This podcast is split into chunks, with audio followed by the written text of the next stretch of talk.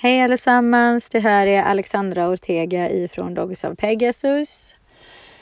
Ja, jag har eh, tagit lite tid på mig att återhämta mig från eh, sista avsnittet gällande sorg, men eh, jag har fått jättemycket respons på det, mest hittills faktiskt. Och eh, det har varit rakt igenom positivt. Det har varit så många som har eh, hört av sig och till och med kommit fram till mig och eh, berättat att det har hjälpt dem att lyssna på det där och eh, då har det inte ens alltid handlat om en hund som gått bort eller en, en sorg gällande en hund utan det kan lika gärna ha varit en människa.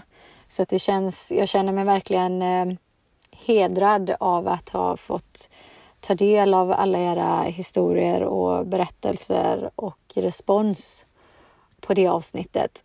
Men jag glömde ju bort då att jag bara kan spela in i 60 minuter. Så att eh, på tal om punkter och kommatecken som jag drog upp där så blev det verkligen ett kommatecken.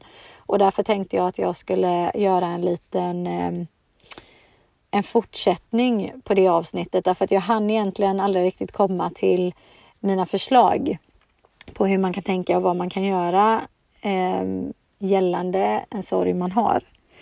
Så jag drar igång med en gång. Och då, då tänker jag först och främst just nu eh, i förhållande till en hund som har gått bort eller som är på väg att gå bort för att den är sjuk eller gammal. För mig har det hjälpt att liksom avväpna döden genom att tänka på den, genom att föreställa mig hur livet kommer att se ut sen jag berättade ju om Evian, min eh, första hund Mopsen som jag hade som gick bort eh, i mars i år.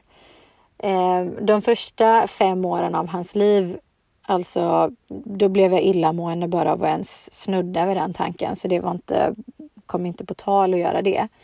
Men i takt med att han blev äldre så fick jag ju inser vi till och med att det var en, en period jag vägrade att fira hans födelsedag därför att mitt perspektiv var så himla pessimistiskt. Det var liksom, nej gud, ett år mindre, nej usch, vad är det att fira liksom. Eh, men jag ändrade mig sen och i takt med att han blev äldre så ville jag just fira eh, att vi fick ännu ett år och sen ännu ett år och sen ännu ett år. Och eh, det är ju oundvikligt att hamna i den situationen förr eller senare så att jag började liksom föreställa mig det hända och jag föreställer mig mitt liv efter de facto. Liksom. Det här är ju ändå en hund som jag hade med mig. Alltså jag flyttade hemifrån med den här hunden. Um, han har bott på alla ställen som jag har bott på. Um, varit med mig genom de förhållanden som jag har haft. Uh, alla arbetsplatser jag någonsin har varit på. Han har liksom varit med i allt den här hunden. Så att det var så svårt först att tänka sig ett liv utan honom, för han hade liksom i princip alltid varit där. Eh, men jag började leka med tanken att eh, han inte fanns. Och för, för att liksom få en bild av hur det skulle se ut. Vad gör man? Vad gör jag? Hur känns det att han inte ligger där? Eh, hur känns det att jag inte kan röra honom igen? Bara för att liksom avväpna hela scenariot för jag kände att det hade ett sånt grepp över, om mig. Liksom. Det hade sån makt över mig eh, och jag blev så sårbar i det läget och det gjorde mig liksom bara ledsen och förstörde nutid. Och det är ingen som gagnas utav det. Så att det är ju inte för att man liksom det ska inte förväxlas med att man på något sätt eh, önska sig att det ska hända eller någonting utan man, vad man föreställer sig är bara att det har hänt. Hur känns mitt liv nu? Hur ska jag relatera till det? Hur ska jag förhålla mig? Liksom?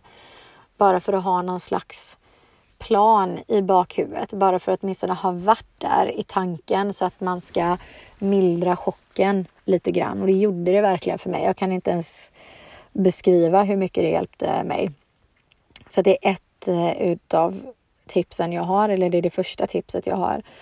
Eh, sen är frågan om man har fler hundar till exempel, om man ska ta med sig resten av flocken till veterinären om man ska låta en hund somna in eller om man tar hem veterinären, hur man än gör.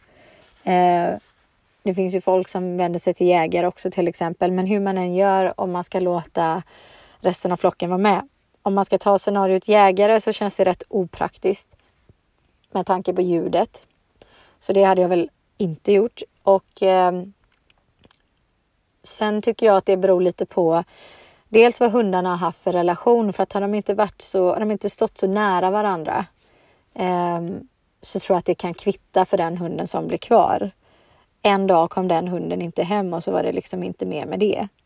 Eh, men om de har varit väldigt närstående så kan det finnas ett värde i att den andra hunden får vara med förutsatt att den inte känner väldigt stort obehag över eh, liksom miljön kring veterinären. Vissa hundar tycker ju att det, de förknippar liksom, eh, miljön hos veterinären med någonting negativt för att det är ju sällan man är där bara för att roa sig. Liksom. Och eh, i så fall hade jag inte gjort det därför att det, eh, det känns som att det ska vara prio ett. Att hunden som ska få somna in ska få göra det så harmoniskt som möjligt och inte i närheten av någon som eh, är obalanserad i onödan. Och eh, det, det ger liksom inte resten av flocken någonting att vara på plats om de ska vara obekväma i det hela. Så att det är lite att man får utvärdera hur situationen, den individuella situationen ser ut tycker jag. Men om, om hunden känner sig lugn för att besöka veterinären eller att veterinären kommer förbi Eh, och de har varit närstående så varför inte? Jag har både eh, låtit hundar få somna in hos veterinären, i bilen till och med. Eh, jag har haft veterinärer som har kommit hem och avlivat och jag har haft eh, hundar med både innan, medan och efter. Och det har inte, jag har aldrig haft någon dramatisk reaktion ska sägas. I mesta fall så har de liksom tagit sig en sniff och luktat igenom lite och, och sen tagit avstånd igen. Men många gånger eh, så har de bara varit närvarande men inte speciellt nära egentligen. Och andra gånger varit helt ointresserade. Så att det beror lite på. Alltså överlag kan man ju säga att hundar är mycket mer odramatiska än vad vi är eh, gällande döden. Det, det är ju naturligt även hos oss naturligtvis. Det är det ju oavsett art, men eh, vi har en annan relation till döden generellt sett, en mycket mer dramatisk eh, relation medan djur överlag tenderar att gå vidare mycket snabbare och egentligen kanske ha i mångt och mycket en sundare syn på det. Därför att livet går ju ändå vidare trots allt. Tiden går ju, klockan tickar på ändå och det är ingenting i nutid som gagnas av att man ältar dåtid egentligen. Sen är det klart att känslor måste få utrymme och det är inte så att sorg i sig är någonting negativt. Absolut inte. Det är själva ältandet som blir ett problem i förlängningen. Och det man får liksom ha i åtanke är att när man sörjer så har man en väldigt svag, sårbar och bräcklig energi. Jag tror att alla kan vara överens om att man inte direkt känner sig på topp och starkast i stan just när man genomgår en sorg utan snarare tvärtom. Och hundar är inte så bräckliga att de inte klarar av det under en kortare period om de inte redan är väldigt obalanserade eller extremt känsliga. De allra flesta hundar klarar av att man sörjer och det är naturligt att man gör det och det är helt okej. Okay. Absolut okej. Okay. Ibland får folk för sig att eh, man måste vara 100% stabil i alla lägen för att vara duglig som ledare. Och så funkar det förstås inte. Det finns ingen som är, inte någon hund heller för den delen. Alltså ledare känner rädsla, de, de eh, upplever osäkerhet och tvekan. Eh, de blir arga, de tappar tålamodet ibland, allt sånt där. Eh, men inte, de sätter det inte i system, de drar inte ut över längre perioder. Utan alla faller.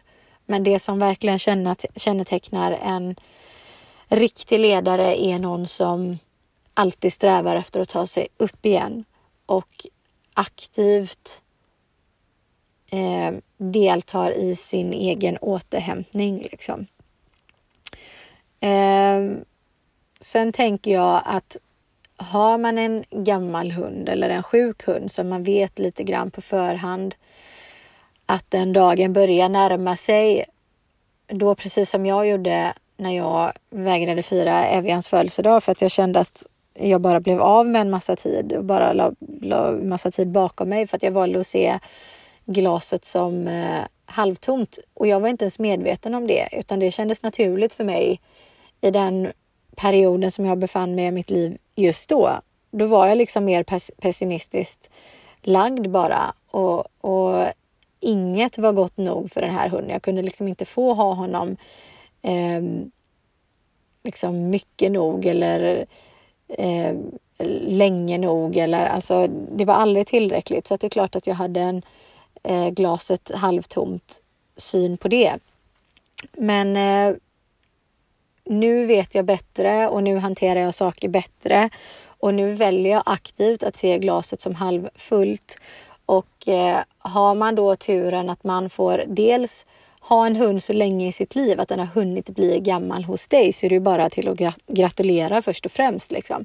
För det är inte alla som är förunnade så lång tid med sin hund. Och har man fått en hund eh, som gammal eller man kanske inte har haft den så länge innan den blev gammal eh, så är det fortfarande en ynnest någonstans därför att alltså dö gamla hundar, vad är bättre liksom? Så att någonstans är man fortfarande lyckligt lottad och det känns som att det minsta man kan göra för att ge tillbaka är att erbjuda den individen den bästa versionen av en själv man kan. Därför att tiden är trots allt snart slut. Och då känner jag att jag skulle vilja ge min hund mitt bästa jag, inte mitt sämsta jag, inte mitt mest bräckliga, eh, svaga jag, där hunden känner att den måste ställa upp för mig. Nu är du liksom gammal, nu är du i din slutfas i livet, nu är det min tur att verkligen ställa upp för dig. Så att jag hade inte velat besudla den tiden i onödan med negativ energi och jag hade definitivt inte velat vara egoistisk i en, en sån tid. Alltså jag hade en... Eh, eh Evian dog i mars, men jag hade en period året innan det, nästan ett helt år innan det. Det var i typ april, maj, ända till juni. Det var ett par månader där där jag verkligen kände att oj, han kommer att gå bort när som helst. Jag kommer bli tvungen att ta honom när som helst. Jag fick lite grann panik. Jag glömde bort allting och jag bara liksom grät varje dag och eh, jag vet någon gång jag stod och dammsuga och så eh, satt han där i en fåtölj och så råkade jag snegla över, liksom snegla bort på honom och bara tappade det totalt och jag fick liksom lägga ner eh, dammsugaren och bara springa till ett annat rum och bara gråta ut därför att jag kände, åh herregud vad han ser gammal ut och han ser så himla svag ut och det är dags när som helst. Och där jag liksom, trots det här eh, förberedande jobbet jag hade gjort att, att eh, föreställa mig hur det skulle vara och allting, det var liksom bara ut genom fönstret just den dagen. Och sen hade jag en period då under ett par månader det kom och gick hela tiden. Och jag tror att han nu med facit i hand verkligen snappade upp hur obalanserad jag blev i det hela så att han härdade ut i nästan ett år till. Alltså det låter kanske jättekonstigt men eh, jag är bara ärlig här. Det var verkligen så det kändes som att när jag gjorde ett störtdyk där så fick han återigen ställa upp för mig. Och sen när jag liksom kvicknade till ur den här helt galna perioden så insåg jag att ja, men liksom vad fasen håller du på med? Du kan inte ens ge, ge den här stackars gamla hunden en värdig ålderdom som liksom bara handlar om honom. Han har, han har funnits där för dig alla de här åren. Han har varit din tröst och din, liksom, ja, men din högerhand och ditt allt eh, så länge och du har haft chansen att eh, gråta ut hos honom så många gånger och nu är han liksom på slut i slutetappen av sitt liv. Och så ska du även där roffa åt dig. Du ska även där vara i centrum och vara, liksom, vara ego och roffa åt dig det utrymmet som finns. Så att återigen ska han behöva ställa upp för dig. Det var liksom, det bara slog mig och så bara insåg jag att vad fasen håller jag på med? Så att jag gjorde faktiskt så som jag gör så många gånger. Det måste se helt off ut. Men jag skopade upp honom där någon gång och så satte jag honom i knät och så bara tittade jag på honom och, och pratade till honom. Och det var egentligen Det är klart att jag gjorde det för att få ut med det för min skull och jag bara hade en tanke om att jag hoppas att du åtminstone kan snappa upp vad jag utstrålar just nu. Även om jag förstår att du inte kan tolka mina ord så vill jag bara liksom släppa ut det här i universum. Att eh, hädanefter så kommer det att handla om dig och jag är fullt lyhörd för när du känner att det är dags att gå. Och då lovar jag, jag lovar och svär att den dagen du visar mig så jag tar dig med en gång. Det finns ingen tvekan. Jag kan sörja sen. Det handlar bara om det och jag vill inte att du fortsätter ställa upp för mig nu. Utan jag får ta och fasen växa upp och kamma mig och lösa det. Och så ska inte du behöva oroa dig för någonting gällande mig. Utan jag får ta mig kragen och så får du bara känna efter och vara bekväm nog att tala om för mig när det är dags. Det var liksom en, en hel monolog här som jag drog av eh, och bara körde rakt igenom bara för att han skulle bara för att få det sagt liksom. Och när jag hör mig själv säga detta så landade det djupare i mig också. Så att när den tiden kom så gick det, jag berättade ju det i förra avsnittet också, så himla mycket smidigare än vad jag någonsin hade kunnat förvänta mig.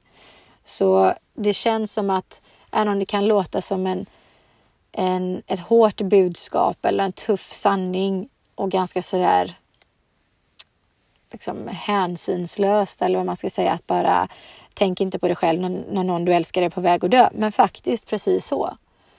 Eh, den sista tiden i en hunds liv är till för den hunden och inte för dig. Och har man det i åtanke så tror jag att det är lättare att leverera en bättre energi och det är ju trots allt ändå det vi vill göra. Vi är ledsna för att våran tid är slut och vi vill mer än någonsin i den stunden att de ska veta hur mycket vi älskar dem och då är det viktigt att man eh, kammar sig, att man tar sig kragen och ger sin hund den bästa versionen man kan av sig själv. Och när det kommer till själva avlivningen så har jag i alla fall lite grann som motto att spara hysterin till efteråt. Eh, det finns tid att skrikgråta och få panikångest och verkligen bryta ihop och, och göra en skandal utav hela grejen när det är sagt och gjort och det är klart. För då behöver du liksom inte ta hänsyn längre. Men fram till dess så hade ju jag i alla fall besparat hunden hela det dramat. Så att det, det, för det kan liksom inte...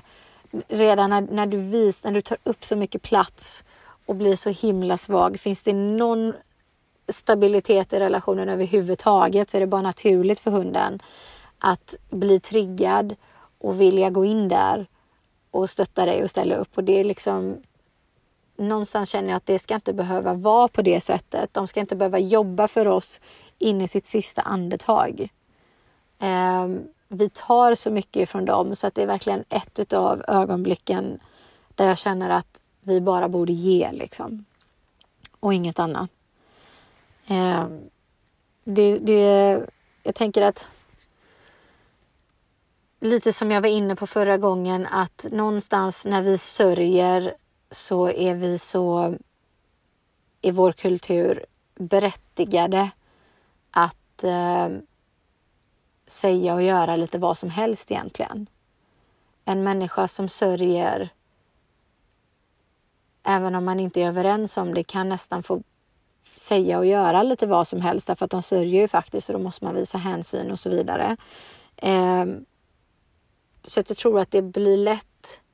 Det kan vara lätt att bli ego i det ögonblicket och dra ut på det liksom och gå djupare in i det än vad man egentligen gagnas utav.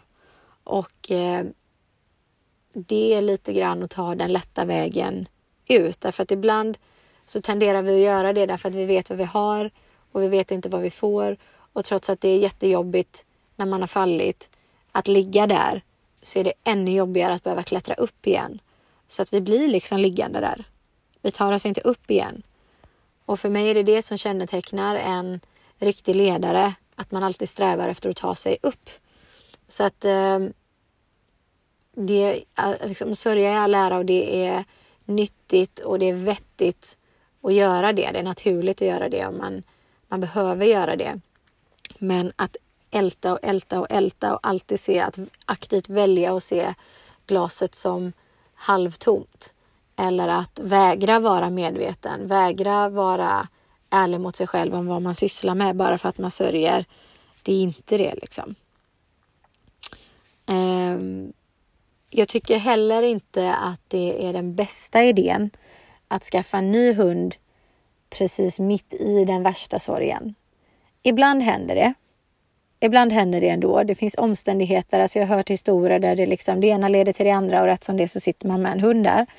Och man är mitt i värsta sorgen och det blir hur bra som helst ändå. Och då har det i alla fall när jag har hört talas om det handlat om att människor, om inte innan så under resans gång, lär sig att ha ett perspektiv som handlar om att ta sig framåt och då kan det att få en hund i sitt liv just då vara till en jättestor hjälp att göra precis det. Men jag tror att det är så himla riskabelt att vi faller dit eh, och drar med oss den här nya individen i vår sorg istället. Och det man ska inte förglömma heller att om en hund kommer in i ens hushåll, vare sig det är en, en ung hund eller en vuxen hund, en gammal hund eller vad det är, om man går igenom en sorg, hunden känner det. Hunden snappar upp med en gång att åh fasen vilken tung energi det är här. Det är så mörkt och tungt och liksom svagt och sorgset här inne. Och vad hunden behöver är skydd och vägledning. Och det är ganska logiskt att man inte känner sig skyddad och inte har möjlighet att känna sig speciellt vägledd utan någon som är mitt uppe i en djup sorg. Så att av den anledningen så är det onödigt riskabelt att skaffa en hund.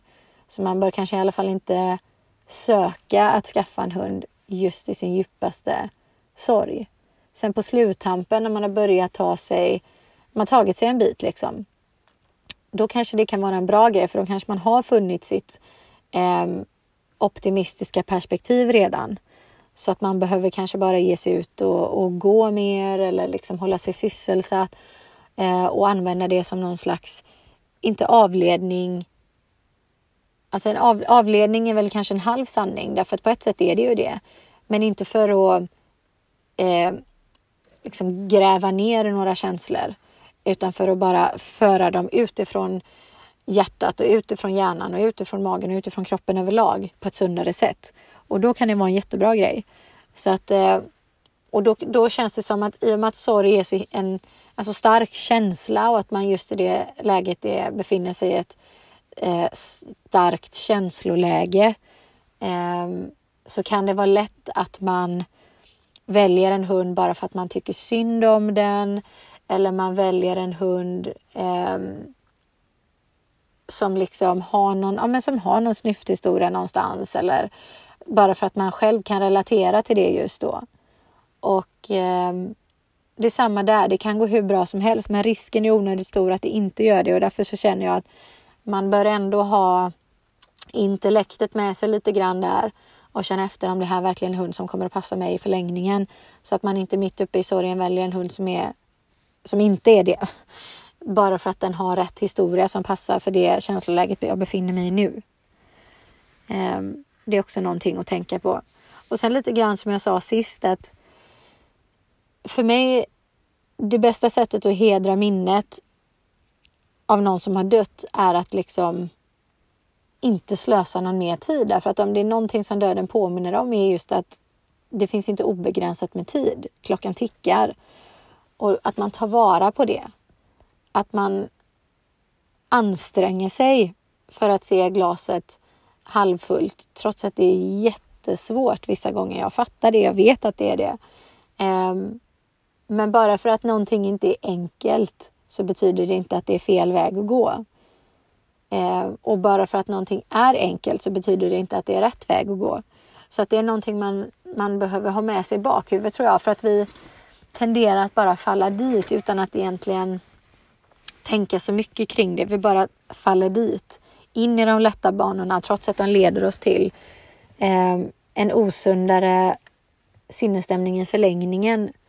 Så att man tar vara på den tiden man faktiskt har och håller sig sysselsatt med saker som man tycker om eller man, man är, ser till att vara produktiv och eh, det är inte sådär för att man ska begrava sig i arbete utan bara för att man ska hålla sig sysselsatt man, så att man eh, gör utrymme för en lättsammare, mer positiv energi igen. Så att inte det negativa dränker en totalt liksom. Eh, jag tänker också att när man, som då som jag sa när, när jag hade min period året innan, när jag trodde att Evian skulle gå bort. När jag fick sådana här attacker av att jag vet jag fick också någon gång på promenaden, det kanske jag drog i sista avsnittet, kommer inte ihåg. Men då var jag på flockpromenad och så lyssnade på musik och så kom det någon låt där texten liksom typ påminde mig om att han skulle dö eller någonting för att jag bara fick världens ångestattack mitt i allting och, och tårarna bara spruta. Och vad skulle jag ta vägen? Jag gick där med ett ganska stort knippe hundar liksom. Eh, men då gjorde jag så att jag eh, lyssnade faktiskt färdigt på den låten för att jag var mitt i en känsla jag behövde få ut det.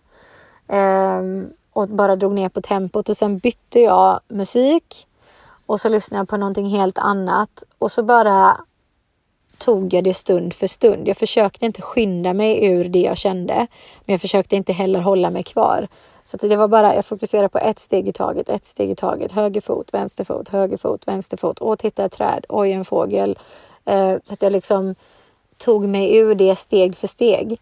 För att jag kunde inte ta avstånd ifrån dem rent fysiskt, eller det kunde jag väl, men vi var liksom i, i walking mode allihopa och hade det gött från början där, så att det kändes synd att avbryta. Så det blev att jag liksom gick bort den känslan i slutändan. Men de gångerna jag har fått ja, men som när vi var hemma då som jag sa när jag dammsuger där och han satt i fåtöljen. Jag fick liksom springa till ett annat rum för jag bara kände på mig, gud det här kommer inte bli bra.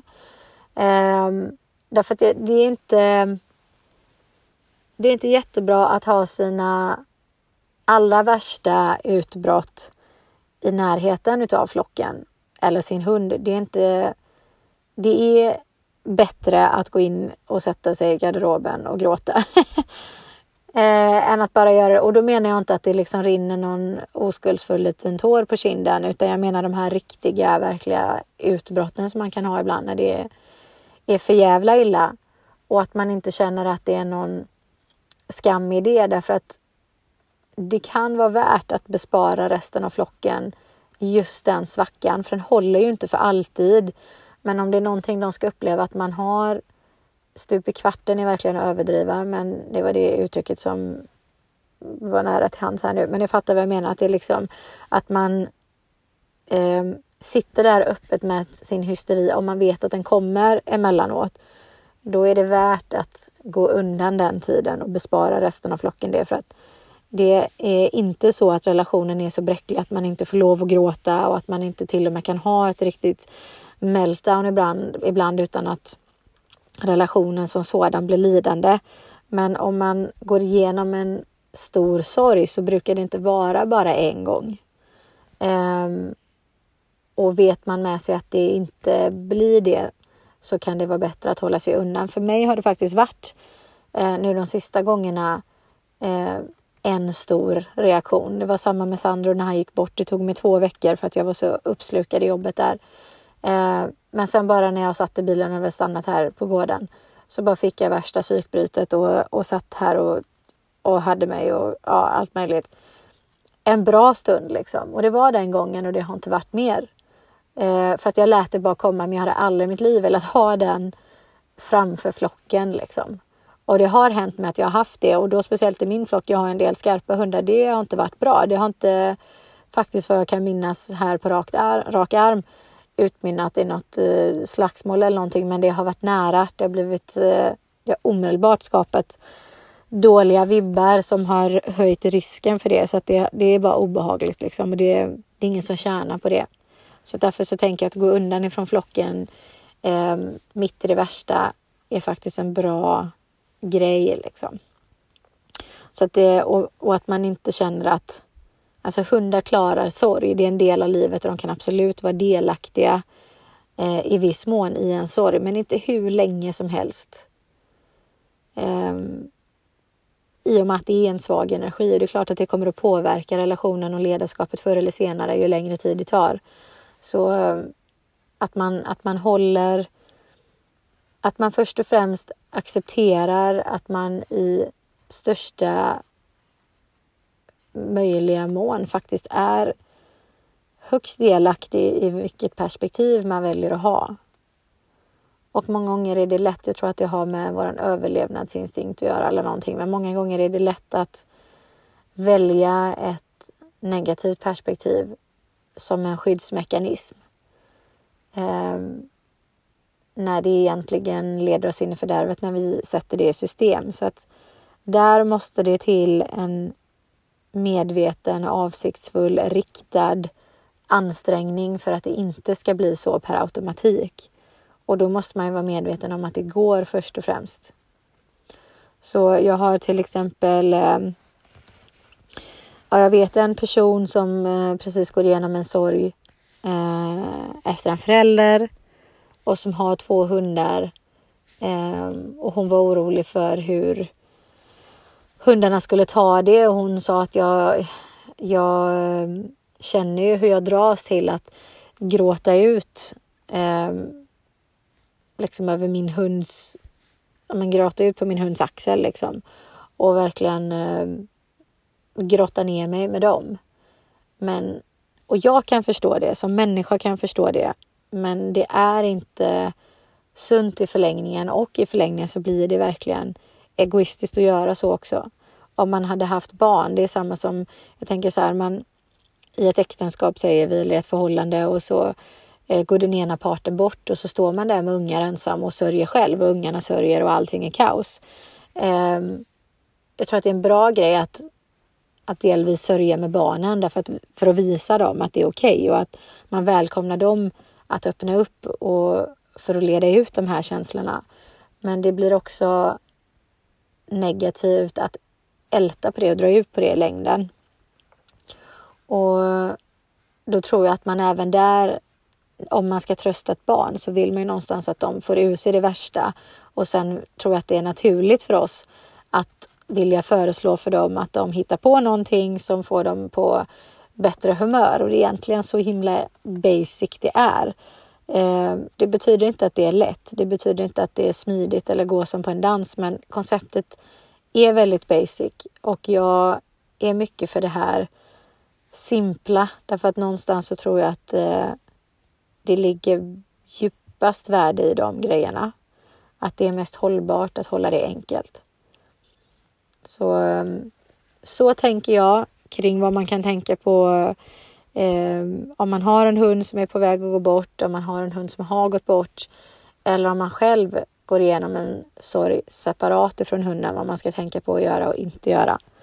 Jag hoppas att ni har fått en eh, tydlig bild av det. Jag ska inte älta detta ämnet heller, utan som sagt, jag tror att eh, vi, eh, vi tar en paus ifrån sorg förhoppningsvis ett bra tag. Även jag behöver eh, skaka av med den här energin nu känner jag.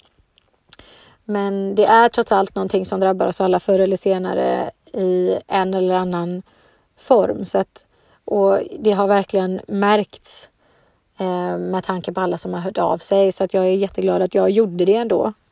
Och tog upp detta mer, för det var inte helt lätt ska jag säga. Men eh, men det blev bra och det är det som är huvudsaken. Så jag vill egentligen bara avsluta med den här fortsättningen så att ni får med er hela, den, hela det paketet jag ville förmedla redan första gången innan vi går vidare. Och jag har skapat mig en eh, ny liten lista här med ämnen som jag har tänkt att ta upp framöver. Och eh, nu har jag tänkt att köra, ja, det var en lite, det var en ovanligt lång paus här nu emellan eh, de här två sorgeavsnitten, men det har ju sina skäl. Eh, ha det nu så bra allihopa. Jag önskar er en god morgon, middag, kväll, natt när ni nu lyssnar på det. Och så ses och hörs vi mot balans.